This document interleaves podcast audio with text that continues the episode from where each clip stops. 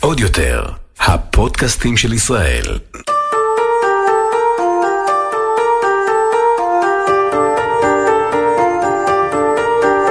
אתם מאירי, הפליליסטית. שלום לכם, אנחנו בעוד פרק של הפליליסטית. היום נדבר אה, ונפצח ונפרק בעצם בפרק את כל סוגיית אה, וחקירת הרצח במועדון הבר נוער אה, בתל אביב באוגוסט 2009. אה, רצח שבזמנו המשטרה הודיעה שפוענח, אחר כך התיק קרס, החשודים שוחררו, ועד היום, 12 שנים אחרי, אה, הסיפור הזה נקלע למבוי סתום, ואף אחד לא משלם את הדין על רצח של חפים מפשע. אז נחזור אחורה, לערב מוצאי שבת בשנת 2009, חודש אוגוסט, אני מקבלת בביפר הודעה, יריות במועדון הבר נוער בתל אביב. ואני כמובן יוצאת עם הפק"ל שלי, הסקנר, זה מכשיר אה, קשר משטרתי, ואותו מכשיר אני שומעת אה, את השוטרים מדברים בו, ואני אה, מתחילה להבין מה קורה, בהתחלה מדברים שם על יריות, על נפגעים, יש קצת היסטריה בקשר, זורקים שם כל מיני הערכות. ואני מבינה שיש כאן אה, סיפור מאוד מאוד אה, אה, מורכב של זירה מאוד מדממת. אני מגיעה לשם ממש בתוך כמה דקות, המקום היה קרוב לרדיו שעבדתי בו אז, כל ישראל בקריה. וכשאני מגיעה, עיתונאי שעוסק בתחום הזה, אם הוא לא הופך להיות חוקר בעצמו, הוא לא שווה הרבה. אתה צריך להגיע למקום ולהתחיל לזהות את האירוע, לאסוף לבד את הראיות, לאסוף לבד את העדויות, לדבר לבד עם האנשים, לחקור לבד, כי קודם כל אתה צריך לסמוך רק על עצמך ולהעביר לקהל שלך את המידע הכי נכון והכי מדויק לאותו רגע, שאחר כך גם יכול להתהפך. ודבר שני, ברוב המקרים האלה, המשטרה או מטילה איפול עם צו איסור פרסום, או לא משתפת פעולה, או שהיא לא יודעת מה קורה, אז אתה מנסה לגלות מה קרה, ואני מנסה לחקור, ואני מבינה שמישהו נכנס אל המועדון והתחיל ממש לרסס את האנשים, אני מבינה את ההיקף ואת העוצמה של הנזק. שני אנשים אה, נרצחו, אה, רבים אה, נפגעו, והרוצח נמלט. ואז אני מצליחה להגיע לעדות של אדם שמספר לי שהרוצח היה לבוש בבגדים שחורים, שהוא לבש, שהוא הסווה את עצמו בכל מיני אמצעים, והוא גם סיפר כמה יריות היו. ועם המידע הזה כמובן שהחוקרים באו אליי אחר כך וביקשו שאני אחבר אותם אל העד הזה, אבל אני עיתונאית, אני מה שאני לא מקבלת עליו אישור, אני לא מעבירה, והמשכתי לחקור. אחרי, בסוף הערב, אני חושבת שהמשטרה, היה לה פחות או יותר תמונה של מה קרה במקום הזה. חודשים אחר כך המשטרה ישבה וחקרה וחקרה, צוות חקירה מיוחד שהוקם בימ"ר תל אביב ניסה להבין מי ביצע או ביצעו את הרצח, אבל ארבע שנים, במשך ארבע שנים, התנהלה אחת החקירות הכי יקרות שהיו במשטרת ישראל, בלי קצה חוט.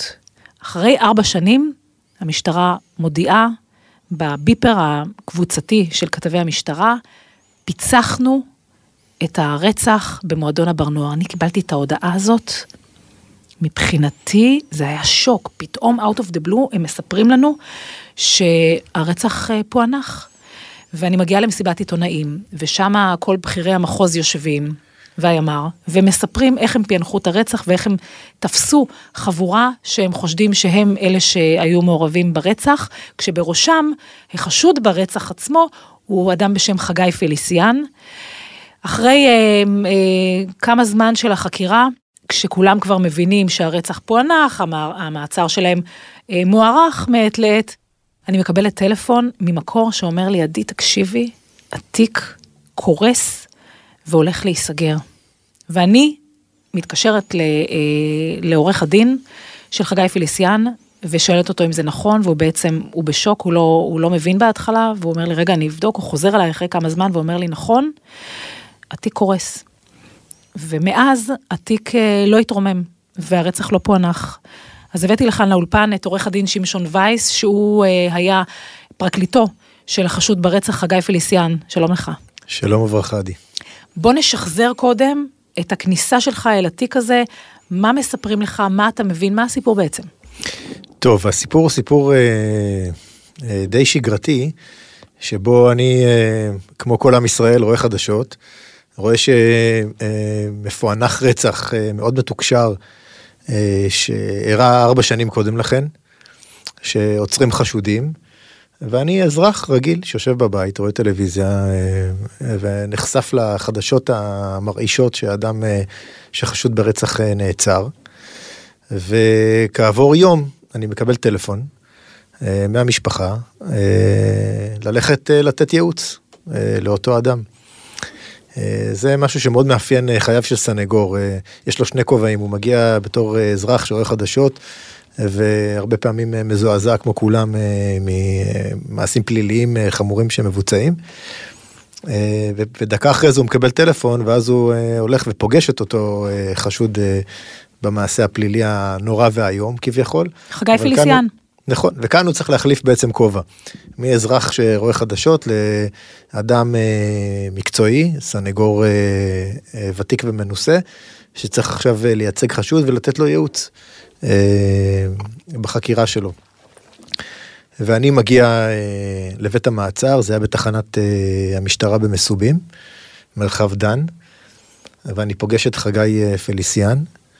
אדם עם חזות uh, מטעה ביותר. אה, תסביר. מה שראיתי, מה, כן, מה שראיתי ב, uh, בחדשות לילה קודם, uh, זה לא האדם שפגשתי. זאת אומרת, כשאתה רואה חדשות, אתה הרבה פעמים uh, uh, רואה חשוד ודמוני, מפחיד, uh, uh, שלא לומר uh, שריון קשקשים על הגב וקרניים. וכשאתה מגיע לבית המעצר, אתה פוגש אדם. אתה פוגש אדם שיכול להיות השכן שלך, שיכול להיות חבר מהצבא, אה, שהוא בעצמו במצוקה כרגע, מצוקה נוראית. אה, אני חושב שכל מי שחווה אי פעם אה, מעצר, יכול להבין על מה אני מדבר. חוויה של נתק מוחלט מהסביבה, זה מעצר שהוא מעצר לצורכי חקירה, זה לא מעצר רגיל, זה מעצר שבו הוא מנותק מהסביבה, טלפונים, משפחה, חברים. האדם היחיד עלי אדמות שהוא יכול באמת לדבר איתו ולסמוך עליו, זה בעצם עורך הדין. שמגיע לבקר אותו. ומה הוא מספר לך בפגישה הזאת? מה אתה מבין אה, ממנו? אני לא כל כך יכול לספר מה הוא אומר לי, כי זה בגדר חסיון עורך דין לקוח, אבל אני כן יכול אה, לספר מה הבנתי מהסיטואציה. Mm-hmm. קודם כל, אני פוגש אדם אה, מאוד מפוחד אה, מכל הסיטואציה, מכל ההד התקשורתי שאופף אותו באותו שלב שבו, באותו שלב שבו הפרשה הזאת מתפוצצת. אה, אני פוגש אדם מפוחד, אני פוגש אדם אה, אה, ממש היסטרי, אה, אדם שבא ואומר לי, אה, עורך דין וייס, לא עשיתי דבר וחצי דבר ממה שהם אה, מתארים או ממה שמחשידים אותי. אה, הוא מה שנקרא חופן את אה, ראשו בין ידיו ואומר לי אני אני פשוט לא לא יודע עכשיו איך להתמודד עם כל הדבר הזה כי התקשורת כבר חרצה את דיני. אה, המשטרה אה, מטיחים בי שאני אה, רוצח נתעב. ואני לא יודע מה לעשות.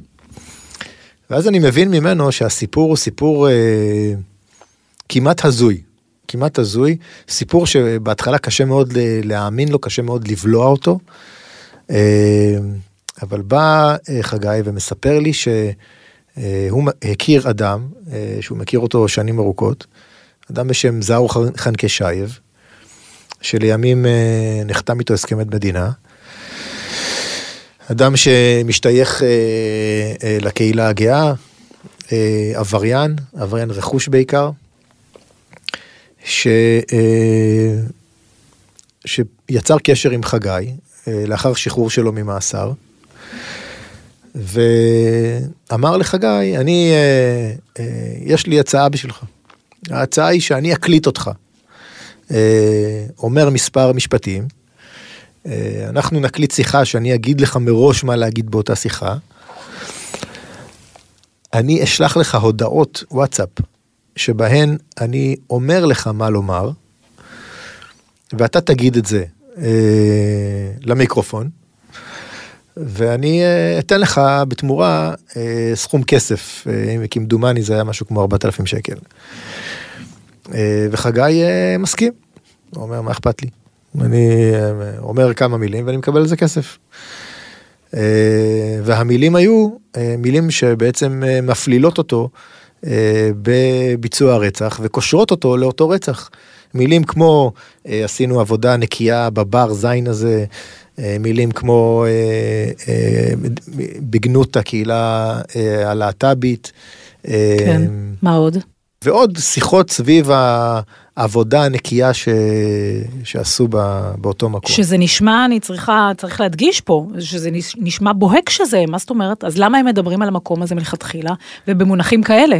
עשינו עבודה נקייה, איזו עבודה הם עשו שם? נכון. עכשיו, אתם צריכים לזכור, אתם צריכים להבין שמדובר ב... אה, ברצח שבוצע ארבע שנים קודם לכן, שלא בטוח שחגי ער לאותו רצח. וכשבא חבר כזה כמו אה, זאו חנקשייב, שהוא עבריין בעצמו, אה, ואומר לך להגיד משפטים סתומים שכאלה, אה, חגי לא העלה בדעתו שהוא מנסה לקשור אותו עכשיו לאיזשהו תיק רצח. אבל למה מלכתחילה הוא, הוא ביקש ממנו לומר את הדברים האלה? אז הוא אמר שהוא ישלם לו כסף תמורת זה. שהוא עושה איזשהו הסביר לו? שימוש, הוא לא הוא הסביר לו, הוא הוא הסביר לו בצורה סתומה, לא מפורטת, שהוא הולך לעשות איזשהו שימוש במשפטים האלה, לש- אוקיי. לעשות שימוש בקולו של חגי, אה, והוא בתמורה יקבל כסף, אז חגי הסכים. אה, עכשיו זה נשמע הזיה, זה נשמע גרסה מופרכת לחלוטין. אה, וכשאני שואל את חגי איפה, איפה אותן הודעות, איפה, איפה אותן הודעות שהוא שלח לך כדי שהוא יכתיב לך בעצם מה לומר, הוא אומר אלה הודעות שנמחקו.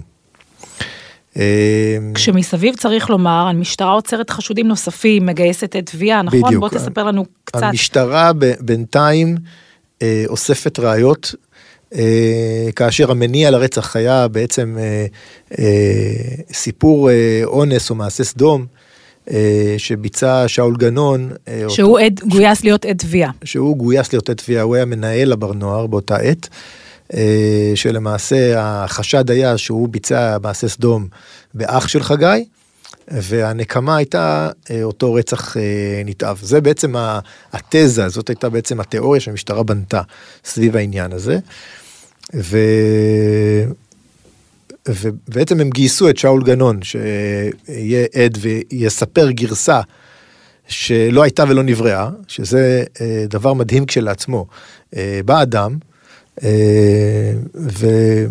ומספר גרסה שלא הייתה ולא נבראה, אה, בשביל לרצות את המשטרה כדי שלא, אה, אה, בשפת העם יפלו עליו עם אה, תיק מעשה סדום, תיק חמור מאוד.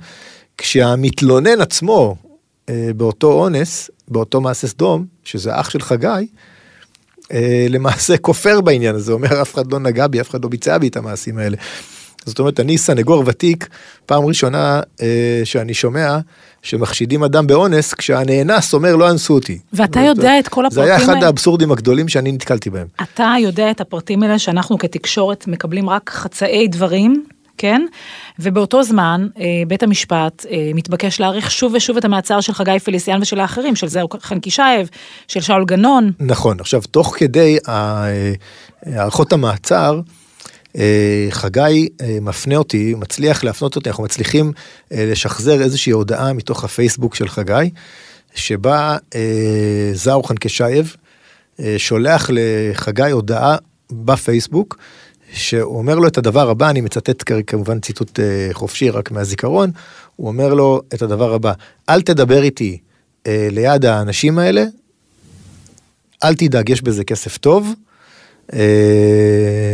אה, אה, משהו בסגנון הזה, אה, בהודעת הפייסבוק, ושזה בעצם איזשהו קצה חוט שהיה לנו, שמצביע על כך שזאו חנקשייב אה, מדבר איתו על דברים שהוא לא רוצה שייחשפו אה, ליד אנשים אחרים, ויש בזה גם כסף. קורה כאן עוד משהו, אני מזכירה לך ולמאזינים. אה, אה, זהו חנקישייב מגויס כעד מדינה והמשטרה שומרת עליו, נכון? לגמרי. ואז באיזשהו שלב הוא בורח הוא מהמשטרה. בורח. בוא תספר. שזה גם אה, נתון שבדיוק התכוונתי להגיע לשם. זאת אומרת, קרו בה, אה, במהלך חקירה הזאת דברים שאני לא נתקלתי בהם כסנגור שנים ארוכות. תספר. אה, לא מאז. ולא עד אז. כן. אה, תוך כדי החקירה, אה, עד המדינה נמלט. אה, הרי הוא מגויס כעד מדינה אה, מרצונו, הוא מקבל תמורה אה, עבור העדות שלו.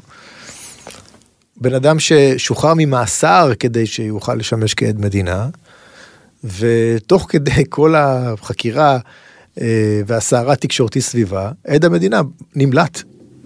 שזה דבר שהוא חסר תקדים, אני לא נתקלתי בזה כל שנותיי והצגתי בהרבה מאוד תיקים שבהם אה, אה, גויסו עדי מדינה. שצריך באותה נקודה הדבר הזה להדליק נורה אדומה על החוקרים, שהלו משהו אולי לא נכון פה? או שלא, בהחלט, שאולי הוא נמלט בהחלט, כי הוא בהחלט, פשוט בהחלט, נבהל. בהחלט, זה, זו נקוד, זה הבריחה של אותו עד מדינה הייתה צריכה להדליק נורה אדומה, אה, או יותר נכון רמזור אדום. מאוד מאוד גדול על המשטרה. מדובר בעד מדינה שהיה מעורב גם בפרשייה אחרת, אה, פרשיית רצח של סוכן משטרתי, אה, והמשטרה החליטה שלא להאמין לו. הוא מסר איזשהו, אה, הוא מסר מידע מסוים לגבי רצח מסוים, שאני לא יודע אם אני יכול לספר אותו כאן, אבל... אתה יכול. איזשהו רצח של סוכן משטרתי בשם אייל סלהוב.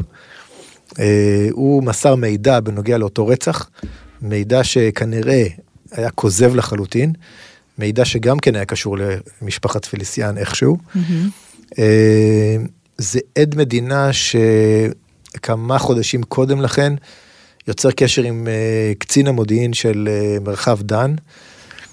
אומר לו שהוא רוצה להתוודות על חטאיו ופשעיו ולהצביע היכן הרכוש הגנוב שהוא היה גונב לאורך השנים.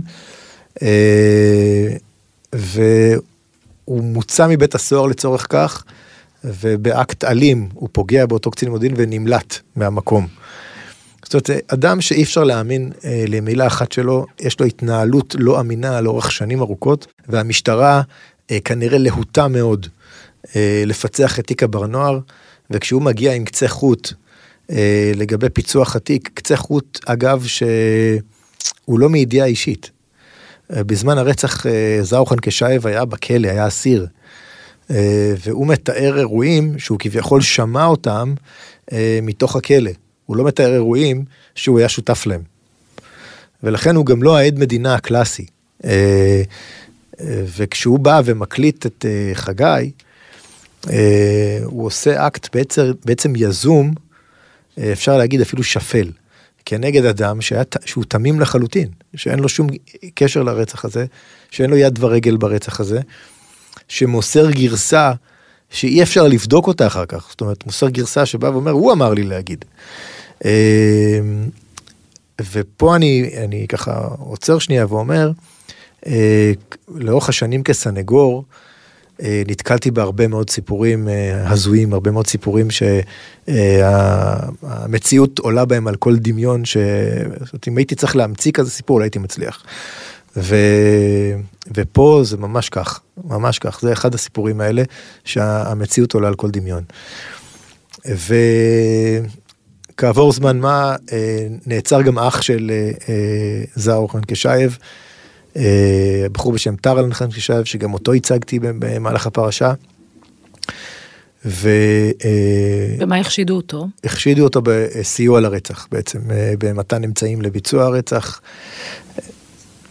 נעצרו אה, מעורבים שהוא כביכול הפעיל עליהם איזה שהם הקלטות ועדויות שהם היו קשורים לאותו רצח, אבל בשורה התחתונה, אה, העד מדינה הזה, ההתנהלות של עד המדינה הזה לאורך כל הדרך, הייתה התנהלות מאוד מאוד בעייתית, שהייתה צריכה להדליק נורות אדומות לאורך כל הדרך.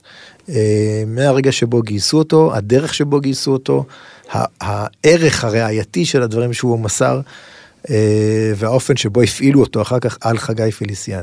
מה עובר באותה תקופה ומה אתה מתרשם שעובר על חגי? אתה הרי מדבר איתו, אתה נפגש איתו, מה הוא אומר לך? איך התקופה הזאת של בן אדם שנעצר ומוחזק בחשד כזה חמור של רצח, של שני אנשים, של פציעה של 11 אנשים, רצח שהמדינה, כל המדינה בעצם מדברת עליו, איך, איך הוא, מה הוא אומר לך? אתם צריכים להבין ש... אין, אני, אני, אני לא מכיר תחושה קשה יותר אה, מלייצג אדם שאתה בטוח בחפותו, אה, שהוא בטוח בחפותו, אה, אבל אתם היחידים שחושבים ככה. זאת אומרת, אין תחושה קשה יותר מה, מהדבר הזה, שאתה יודע שהאדם הוא חף מפשע, והוא יושב בבית סוהר, ולא רק שהוא יושב בבית סוהר, הוא יושב בבית סוהר אה, ועומד בסיכון של שני מאסרי עולם. אתה כעורך דין שלו שנחשפת לחומרים, היית בטוח שהוא אה, לא עשה את הרצח? אני הייתי בטוח מהרגע הראשון. אני למה מהרגע לומר, הראשון? אני חייב לומר שכסנגור אתה אף פעם לא בטוח ואתה אף פעם לא אה, מאמין או לא מאמין, אתה עושה עבודה מקצועית. במקרה הזה, מהרגע הראשון שפגשתי את חגי, היה לי ברור שהוא לא מעורב בזה. היה לי ברור שהוא לא מעורב בזה גם ב vibe שהיה איתו, בשיחות שהיו איתו. אה, חגי העביר לי תחושות מאוד קשות על המקום שבו הוא נמצא כרגע, כי האדם חף מפשע שמדינה שלמה אה, יושבת עליו ומצביעה עליו כרוצח נתעב. אה, החזות שלו לא תרמה, לא תרמה לו הרבה, ו... וזה פשוט הייתה תחושה מאוד קשה של חגי, הוא העביר ימים שלמים אה, בבכי ממש, אה, על המקום שבו הוא נמצא. תוך כדי המשפט, תוך כדי ניהול החקירה, אה, קרתה תאונה טרגית ואח שלו אה, נהרג, נפל מאיזושהי, מאיזשהו בניין שבו הוא עבד והוא נהרג, אה, והיינו צריכים ממש אה, לעשות אה, תעלולים אה, משפטיים כדי שהוא יוכל אה, לצאת לקברו של האח הצעיר שנהרג. בקיצור, הייתה, זאת הייתה תקופה אה, שטרגדיה רדפה טרגדיה, רד, טרגדיה רדפה טרגדיה. ואח שלו כאשר אחר האח, האח, נחשד אח, אח אחר- בעבירת אה, מין, כן, נכון? בעבירת מין ש... בעורכת אה, דין. כן, בעורכת דין ששוב, אה, לפי מה שאני מבין, אה, לא היה בדל ראיה ש... שאכן אה, הוא מעורב בכזאת עבירה חמורה. ולכן ממש, ככה, זאת הייתה תקופה מאוד ארוכה ש... אה, של טרגדיה רודפת טרגדיה, והוא נמצא שם במאסר, במעצר, סליחה, ואין, אה, ואין מושיע. וכאשר אנחנו אה, בעצם אה, בסופ, בסופה של החקירה, הפרקליטות מחליטה להגיש כתב אישום, ומרגע שמוגש כתב אישום אנחנו זכאים לקבל את חומרי החקירה. הפרקליטות מעבירה לנו רק חלק מחומרי החקירה. אה, איך אתה יודע? איך אתה מגלה את זה? כי, כי חומרי החקירה בעצם נחלקו לשניים. יש את חומרי החקירה שנחקרו ונאספו כבר בשנת 2009, כן. שבזמן הרצח עצמו, ויש את חומרי החקירה החדשים, שנאספו מרגע שבעצם אה, מתחילים להפעיל את עד המדינה ולאסוף חומרים נוספים. ומותר להם לא להעביר את כל החומרים? הם, לא, הם, הם חייבים להעביר את הכל. קורה שבפרשיות מאוד גדולות החומרים מגיעים בטפטוף, זאת אומרת הם מגיעים בפעימות, בפעימה ראשונה, בפעימה שנייה, פעימה שלישית ואפילו בזרזופים נוספים גם אחרי שאפילו מתחיל המשפט הרבה פעמים. ולכן אה, זה לא הדליק לנו נורה אדומה בהתחלה. אבל הבנו שכשחולף הזמן ולא מגיעים החומרים, החומרים הנוספים למרות שאנחנו באים ודורשים אותם, פה נדלקה נורה אדומה. פה לנו נדלקה נורה אדומה כסנגורים, שהבנו שקורה משהו.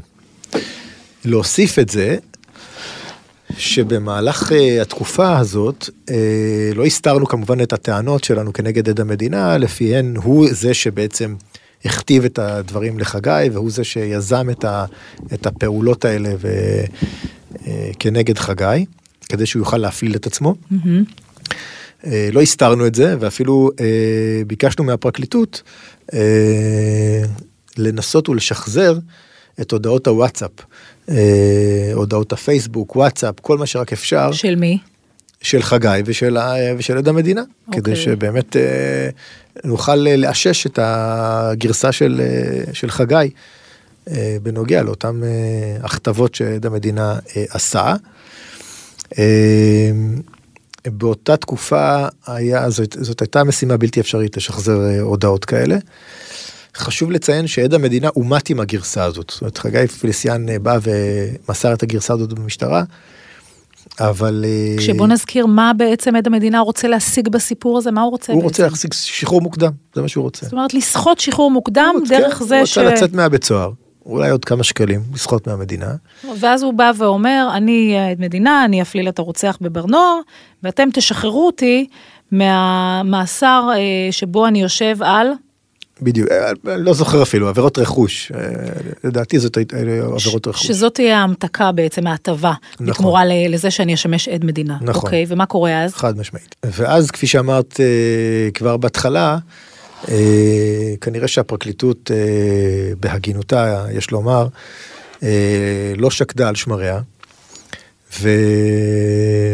ואכן שכרו איזושהי חברה חיצונית, אה, שככל הנראה גם עלתה הרבה מאוד כסף, והצליחו לשחזר באקט מאוד דרמטי את אה, הודעות הוואטסאפ של אה, זאו חנקשייב, כן. אה, ביחד עם אה, חגי פיליסיאן, ומה הם מגלים? והם מגלים אה, שבעצם הגרסה של חגי, אותה גרסה הזויה, אותה גרסה מופרכת, אותה גרסה ש, שבתחילה כולם חשבו שזאת המצאה, אה, אותה גרסה שלפיה זאו חנקשייב היה זה ש... אה, שהכתיב את, את הדברים שחגי בסופו של דבר אה, אה, הוקלט ו, ונמסר למשטרה, אה, אכן היו, אכן יש דברים בגו. אותן הודעות וואטסאפ שוחזרו, אה, שבהן אה, עד המדינה אה, בעצם דורש מחגי להגיד אותה, את אותן אמירות בתמורה לכסף. ובעצם לאורך תקופה מאוד ארוכה, כמעט תשעה חודשים שבן אדם נמצא במעצר, כאשר מדינה שלמה אה, מצביעה עליו כ- כחשוד העיקרי, אה, פעם ראשונה בעצם אנחנו מבינים שהגרסה שלו היא אכן הגרסה הנכונה. על אף ה, אה, המוזרות שבה ועל אף ה, אה, הקושי שהיה איתה. ו, ומיד אה, אה, הפרקליטות פועלת על מנת לשחרר אותו. קוראים לזאו חנקשייב לחקירה ומאמתים אותו עם, ה, עם הנתונים החדשים שהתגלו. אה, נתונים, אותם נתונים שכאשר הוא אומת איתם בהתחלה, הוא הכחיש כל קשר אליהם, אמר זה לא, זה לא היה ולא נברא, זה, אה, זה מופרך מהיסוד, אני בחיים לא, לא אמרתי לו להגיד את הדברים האלה, אז הוא אמר אותם מרצון הטוב והחופשי, ואז בעצם מה קורה? מבטלים איתו את ההסכם. ואז פתאום אה, מאמתים אותו מול הדברים האלה בחקירה, כן. והוא בוחר לשמור על זכות השתיקה. אה, בהמשך מבטלים את ההסכם איתו, ואז מבטלים את הסכם עד המדינה איתו, אבל עוצרים אותו. עוצרים אותו, מגישים ל? נגדו כתב אישום. אה, הוא מקבל אה, אה, שנים ארוכות בבית סוהר, לדעתי אה, שבע שנים, שבע שנות מאסר נגזרים עליו בעקבות המעשים האלה, וכמובן את חגי משחררים. אה, חגי מזוכה, חגי פיליסיאן חגי מזוכה בעצם מהתיק. מזוכה מה, מהאישומים, וזה באמת אקט דרמטי ביותר. אה, חקירה שנפתחת בכל תרועה חזקה, כל תרועה רמה, אה, במסיבת עיתונאים של ימ"ר תל אביב, אה, עם עד מדינה שמגויס ומופעל, אה, פרשייה כזאת שנגמרת עם עד מדינה שנשלח לשנים ארוכות בבית סוהר, בפרשיית רצח שלא, אה, שלא לא נפתרת. אבל אני אגיד נשארת לך למעשה משהו. עד היום באוויר. אז כולם שוחררו, אה, זהור, זהור אה, חנקישי ועד המדינה אה, התבקש לשלם מחיר על כך, וחגי פליסיאן גם תבע את המדינה, נכון. אה, אבל אני אגיד לך מה, נשארות פה שאלות שכל אחד שואל את עצמו. קודם כל, איך זה ולמה? חגי פיליסיאן, אה, כשישב אה, בכלא והכניסו לתאו מדובב, הוא עשה כל מיני מחוות עם הידיים למדובב, שכביכול יכולת להבין מזה שהוא קושר את עצמו לאירוע. איך אתה מסביר את זה? טוב, אני, אני זוכר את ה... אני מה שנקרא זוכר את האירוע הזה בזמן אמת. אה, חגי פיליסיאן, אה, תקופה מאוד ארוכה, ימים ארוכים, נמצא אה, בתאו, לפתע לבדו, לפתע מוכנסים אליו לתאו שני אנשים, שאחד מביע אה, התנהגות מאוד מאיימת אה, כלפיו, והשני התנהגות אה, רכה, אה, רוצה לומר שוטר הרע ושוטר הטוב, אה, ומנסים אה, לסחוט ממנו גרסה, ומנסים לדובב אותו על מנת שיודה ויפליל את עצמו ברצח. אה, והוא עושה מחוות על מנת להתחמק מהם, לא על מנת אה, להתוודות על חטא ופשעה, אלא על מנת ממש להתחמק מהם. הוא לא מודה ברצח, הוא לא עשה שום דבר שקושר אותו לרצח, אה, ואותם מדובבים הפעילו לטעמי שיטות פסולות. אה, והראיה שבסופו של דבר גם הפרקליטות אה, לא לקחה את הראיה הזאת בחשבון. מבחינתך זו אחת ההצלחות הכי גדולות שלך? איך אתה תופס את המקרה הזה? אני בכל הענווה צריך לומר שזאת ההצלחה של הפרקליטות. זאת אומרת, זה שהיא באה והודתה בכך שאין לה תיק, שהיא גילתה שזה לא הסיפור שהיא חשבה, זאת אומרת, יש פה משהו מן ההגינות מבחינתה. לחלוטין. וצריך להיות גם הוגן עם הפרקליטות. הפרקליטות אה, אה, לקחה על עצמה אה, תיק מאוד קשה, אה, כשהמשמעות שלו זה להשליך אדם חף מפשע לשני מאסרי עולם. זה לא תיק פשוט, זה לא תיק רגיל, זה לא תיק שאדם הולך לשנה, שנתיים וחוזר הביתה, אלא אדם שחייו נהרסים, אה, ממיתים אותו ממש, אה, בתוך אה, בית סוהר. והם בדקו את עצמם שוב ושוב ושוב, גם לאור טענות של סנגורים, שזה למעשה שיקוף של טענות החשוד, והם בדקו את עצמם, לא ויתרו. מה, אומנם, מה חגי עצמו אמר לך? חגי עצמו בשלב הזה, uh, כבר לא היה איתי בקשר, אני כבר לא הצגתי אותו בשלב הזה, אבל uh, שוחחתי איתו uh, מספר חודשים לאחר מכן. אה, חגי היה מאוד מאושר מהגילוי הזה, היה מאושר מהעובדה שהוא הצליח להראות בעצם שהוא לא קשור לזה, ושהוא חף מפשע, וחף מכל פשע, אין לו שום קשר לפרשה הזאת. ומצד שני הוא הביע תסכול מאוד גדול אה, על תשעה חודשים שהוא ישב בבית סוהר, בבית המעצר. תשעה חודשים שאין אף אחד שיחזיר לו אותם. כן, טוב, הוא פוצע, הוא פוצע על כך. הוא פוצע, אבל הכסף לא מחזיר את ברור, הימים. ברור, ולא מחזיר את עוגמת הנפש, ולא מחזיר את התחושות הקשות שאדם שנמק ב, אה, בכלא, ואין לו מושיע. תגיד, אה, עורך הדין שמשון וייס, אתה מעורכי הדין הפליליים הבכירים והבולטים היום, אתה מייצג הרבה מאוד אה, עבריינים, ראשי ארגוני פשע, אתה רוצה לתת לנו דוגמה למישהו שאתה מייצג בימים אלה? אמ, אני מייצג היום בפרשייה מאוד גדולה את יצחק אברג'יל, אה, בפרשייה 512, פרשייה שמתנהלת כבר בשש שנים האחרונות, אחת הפרשיות הגדולות אה, במדינת ישראל. אז אני רוצה לשאול אותך עם כל הניסיון הזה שלך, אם חגי פליסיאן הוא לא הרוצח, מי הרוצח? מי? מי רצח את ליז טרובישי ואת ניר כץ ופצע 11 אנשים? אני אגיד לך, uh, התשובה הקלאסית שהייתי אומר לך, אני, אני לא יודע. Uh, אבל התשובה היותר אה, רצינית צריכה להיות, אה, אני, אני אומר לך ככה, אה, עדי, מי הרוצח, אם הייתי יודע, אז כמובן שהייתי מוסר אותו למשטרה. אבל... מוסר אותו או מבקש אבל, לייצג אבל אותו? אבל השאלה, תלוי, תלוי באיזה, באיזה כובע אני אהיה באותו שלב שאני אגלה את זה. אבל התשובה צריכה להיות אה, לפתחה של המשטרה. המשטרה, אתם צריכים להבין שבזירת רצח הזאת היא זוהמה לחלוטין. ברגע שבוצע הרצח, אה, מטבע הדברים נכנסו הרבה מאוד כוחות מד"א וחילוץ ואזרחים טובים שבאו לעזור ולסייע, והזירה זוהמה לחלוטין. אה, ולכן היה גם קושי להגיע לרוצח.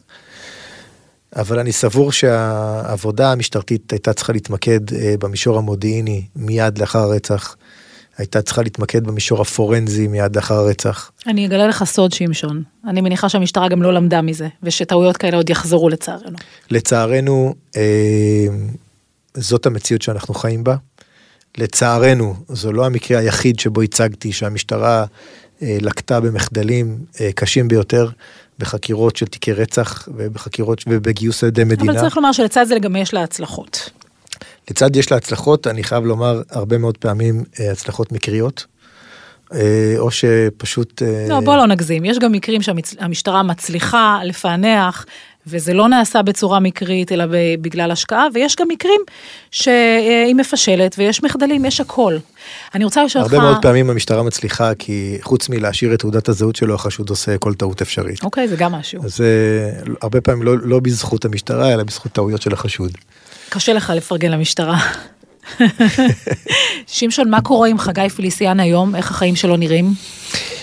אני לא כל כך בקשר איתו היום, אבל אה, בפעמים האחרונות שפגשתי אותו, וגם ככה קצת מהתקשורת שאני עוקב, אה, מדובר באדם שהצלקת הזאת מלווה אותו ותלווה אותו כל החיים. לאן שהוא לא הולך, אה, מזהים אותו עם הרצח הזה, לאן שהוא לא הולך, הוא מתקשה להשתלב, אם זה במקומות עבודה, ואם זה בלימודים, ואם זה... לאן שהוא לא פונה, ואפילו בלסחור דירה, זה צלקת שמלווה אותו ותלווה אותו.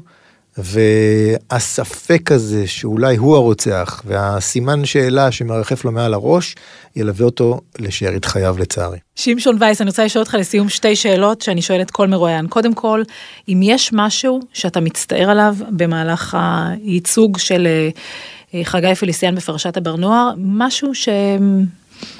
שהיום אה, בדיעבד אתה חושב ש... אה, היית יכול לעשות אחרת, היה צריך לקרות אחרת, אה, אולי אה, לעשות דברים אחרים שהיו מביאים לשחרור יותר מהר, אולי לגילוי אחר, כל דבר שעולה לך. אני חושב שיכול להיות ש... אולי אם היינו, אה, זה, זה משהו שהוא חוכמה בדיעבד כמובן, אבל אה, יכול להיות שבתור סנגור היינו צריכים עוד להתעקש כבר להוציא צווים לשחזר את הודעות הוואטסאפ האלה כבר בהתחלה. זה לא שלא טענו את זה, זה לא שלא עלינו על הבריקדות אה, סביב העניין הזה כבר בהליכי המעצר וכבר ב, בימים הראשונים של החקירה, אבל אה, אולי בית המשפט היה צריך להוציא צווים כבר בהתחלה על העניין הזה. אה, אולי היה צריך לחפש את אותה חברה שמשחזרת וואטסאפים כבר בהתחלה, ואולי היו נחסכים ממנו כמה חודשים uh, טובים בכלא. שאלה נוספת שאני רוצה לשאול אותך זה מה שמשון וייס של 2021 היה עושה אז? שוב, היום בדיעבד? בדיוק את זה. בדיוק את זה. Uh, אני חושב שהיום uh, בחלוף הזמן, אחרי שאתה מייצג בפרשיות מאוד גדולות ומתחספס ולומד איפה אפשר להרים את הצוואר ולהילחם אה, מבלי לחשוש, אז אני חושב שכבר אז היה, הייתי עומד שם ועושה את הדברים אה, אולי קצת אחרת. שמשון וייס, תודה רבה לך. תודה רבה לכם. מי שהיה בשעתו אה, פרקליטו של חגי פליסיאן, שזוכה מהרצח בבר נוער ומייצג שורה ארוכה של עבריינים, ראשי ארגוני פשע וחשודים ומעורכי הדין הבכירים בארץ. אנחנו מסיימים עוד פרק של הפליליסטית. והפרק הזה, אני חושבת, מוכיח שוב עד כמה המציאות עולה על כל חלום רע. תודה לכם, אה, אני רוצה ומקווה שנתראה בפרק הבא. נשתמע. עוד יותר, הפודקאסטים של ישראל.